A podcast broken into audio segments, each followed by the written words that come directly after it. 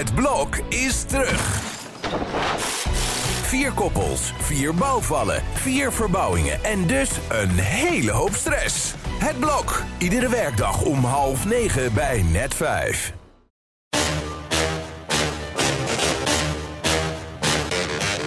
Dit is Trick Privé. De dagelijkse showbiz-update met Evert Zandgoeds en Jordi Versteegde. Beginnen we deze showbizweek met een breuk of met een, uh, met een huwelijk? Ach, laten we vrolijk beginnen. De ellende komt vanzelf nog. Want uh, er tekenen zich alweer wat dingen af. Ja. Maar een huwelijk van Duncan Lawrence. Nou, het is toch wat. Hè? Nou. In Zweden, een half uur onder uh, Stockholm. Zuidelijk van Stockholm. Daar zijn ze het weekend, afgelopen weekend, met wat vrienden getrouwd en zo. En nou, dat moet een, een knalvuif geweest zijn. Ja, zo hou je het wel geheim natuurlijk. Als je dat in Zweden doet. Grote afstand van alles iedereen. Met je eigen clan. Ja. Dat is natuurlijk een. Uh, ja. Dus uh, van harte gefeliciteerd. Uh, ja, nou, dat zeg je niet echt met een bepaalde ja, Nee, maar je, toch, toch mooi. die we die wil doen en dat maakt het s morgens bekend. Ja. Mr. en Mr. de Moor, want zo gaat hij dan kennelijk heten. Ja. Dan, nou, prachtig petje af. En ik hoop dat het voor het leven is. Dan maar naar een scheiding. Want dat is toch wel het breaking news van deze ochtend. Thijs Reumer. En ja, het werd de afgelopen week wel een beetje duidelijk, geloof ik. Hè, dat er al die geruchten die er nog boven water kwamen over zijn vreemdgaan, wat er toegegeven. En hoeveel moet je van iemand houden als Igone de Jong om vervolgens te zeggen: nee hoor, stand by my man. En uh, we gaan gewoon vrolijk verder. We trekken ons van niemand wat aan. Ja. Nee, het is trouwens een hele spannende week voor uh, Thijs. Nou ja, voor hem niet eens, want hij weet het al. Maar vandaag, uiterlijk morgen, moet hij bekendmaken of hij in hoger beroep gaat tegen het vonnis van twee weken geleden. Ja, wat hij ook beslist. Het is uh, voor hem uh, vernuikend. En uh, ik geloof dat de meeste vrienden zich wel van hem hebben afgekeerd inmiddels. Ja. En ja, dat is de prijs die hij betaalt voor het doldwaze gedrag van, gedrag van tijdens, de, tijdens de hele procedure en van jaren geleden. Ja, het duurt nu wel heel lang dat hij erover nadenkt. Hè? Zegt dat iets? Mogelijk dat hij het misschien toch niet doet? Daar zat ik over na te denken. Van... Nou, dan had je dat ook kunnen laten weten natuurlijk. Dus je hebt gewoon... Uh, ik, ik, ik, vind deze uh, advocaat is uh, redelijk... ik heb twee weken, dan neem ja. ik ook twee weken. Ja. En het is een ingewikkeld vonnis waar als daar nog aanknopingspunten in gevonden worden om in hoger beroep te gaan. Ja. Moet je het vooral doen. Maar ja, het is voor zijn carrière niet best als hij zich niet gewoon schikt in zijn lot en uh, niet uh, komt bij het aanhoren van het vonnis en dan twee weken de tijd nemen om alsnog in hoger beroep te gaan. Ja, het kan, maar het is... Uh... Nou ja, de straf kan dan ook hoger worden. Het kan dus hoger worden. Betreft... Ja, ik denk niet dat je er lichter vanaf komt als je, als je in hoger beroep gaat. Ja. het, het, het, tegendeel is heel vaak het geval. Ja, nou ja, jij zei Frank Masmeijer. Ja. Oh, die kreeg er een jaar bij, zelfs Zo. toen hij uh, dacht dat hij te hoog gestraft was in België. Dus uh, ja. ja. het kan heel vervelend uitpakken. En kreeg uiteindelijk gratie, hè? Nou, dat zie ik ja. bij, bij Thijs Reuwer niet gebeuren. Ik denk niet dat die koning daar nog een keer zijn handtekening voor gaat zetten. Hoewel hij dat zo'n 30 keer per jaar uh, gewoon doet. En dan trekt dat helemaal gedaan, dacht Ja. Nou ja, jij zei al, Thijs verliest wat mensen om zich heen. Glennis Grace ook, hè? Dat vertelde ze onlangs in een interview. Maar één vriend keert weer terug. Ja, wat opvalt is dat Fred van Leer en zij elkaar weer volgen. Fred was een van de eerste om afstand te nemen van, uh, van uh, Glennis toen dat gebeurd was in die supermarkt. En uh, hij is nu als eerste weer terug. En ja, dat zou met Ahoy opkomst voor Fred, die staat er in september twee avonden, ja. zou dat best kunnen betekenen dat hij denkt van nou ja, waarom niet? En Fred en Friends, nu we weer Friends zijn, komen ook maar Glennis Grace wat liedjes zingen. Dat ja. is nog niet aangekondigd, hm. maar ik, ik sluit dat helemaal niet uit. En als dat gebeurt, ja, het is gewoon in de, in de lijn van iemand heeft iets fout gedaan, is daarvoor gestraft, heeft ja. die straf afgewikkeld.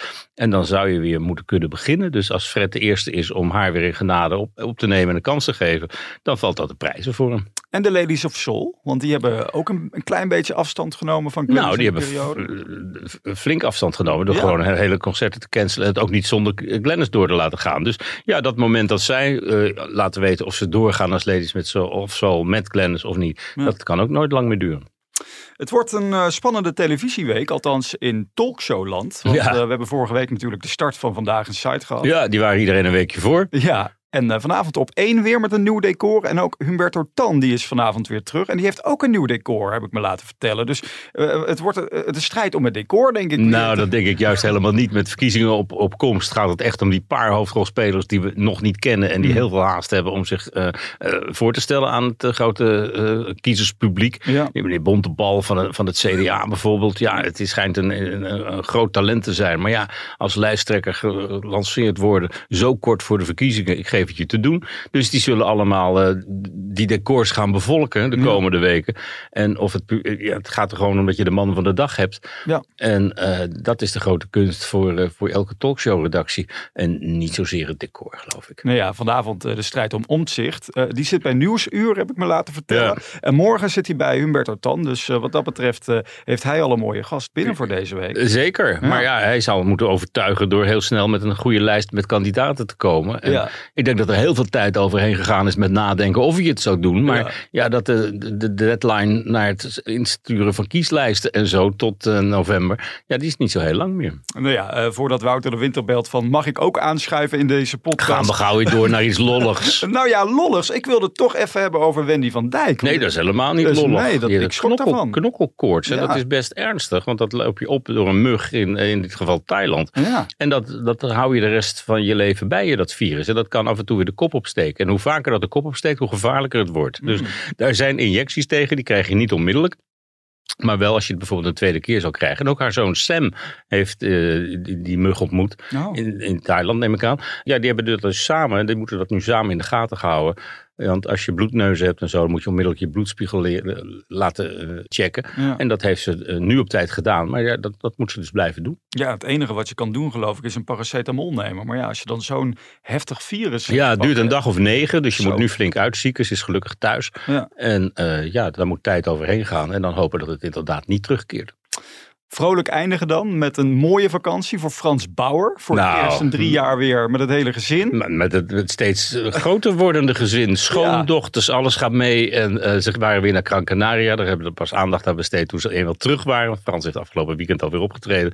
En het was natuurlijk een heel emotionele vakantie. Het was de eerste keer dat Maris weer ging vliegen. Ja na haar herseninfarct.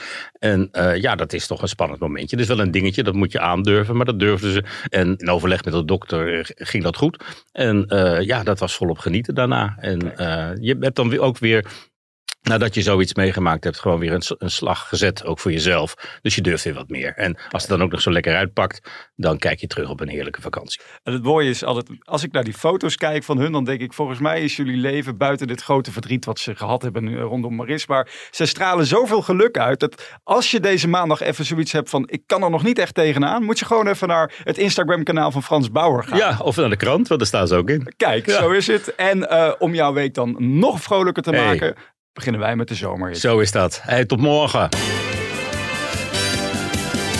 De zon schijnt bij even goed met Jordi aan zijn zij, want het is zomer. Maar dat is privé.